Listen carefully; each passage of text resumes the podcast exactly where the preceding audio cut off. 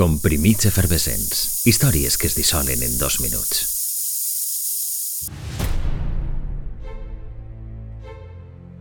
Darrere de tot, com solia passar aquells anys, hi havia l'ànsia de control dels negocis il·legals. Sobretot del tràfic i contraband de productes alcohòlics als que havia obert la porta la coneguda com llei seca.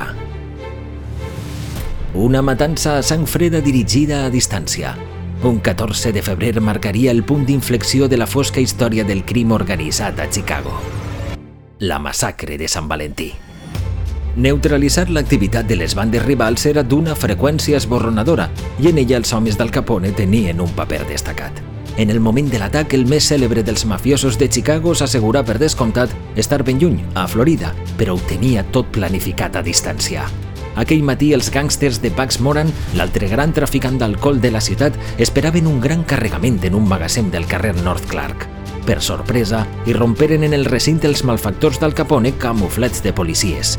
Els homes de Moran no oposaren resistència en pensar que es tractava d'una operació policial.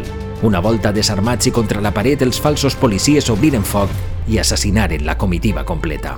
D'esta manera tan sanguinària, el Capone es desfeia de tota competència. La investigació no pogué relacionar-lo mai amb aquella matança, però els detalls i la premeditació de l'atac canviarien per sempre la percepció ciutadana.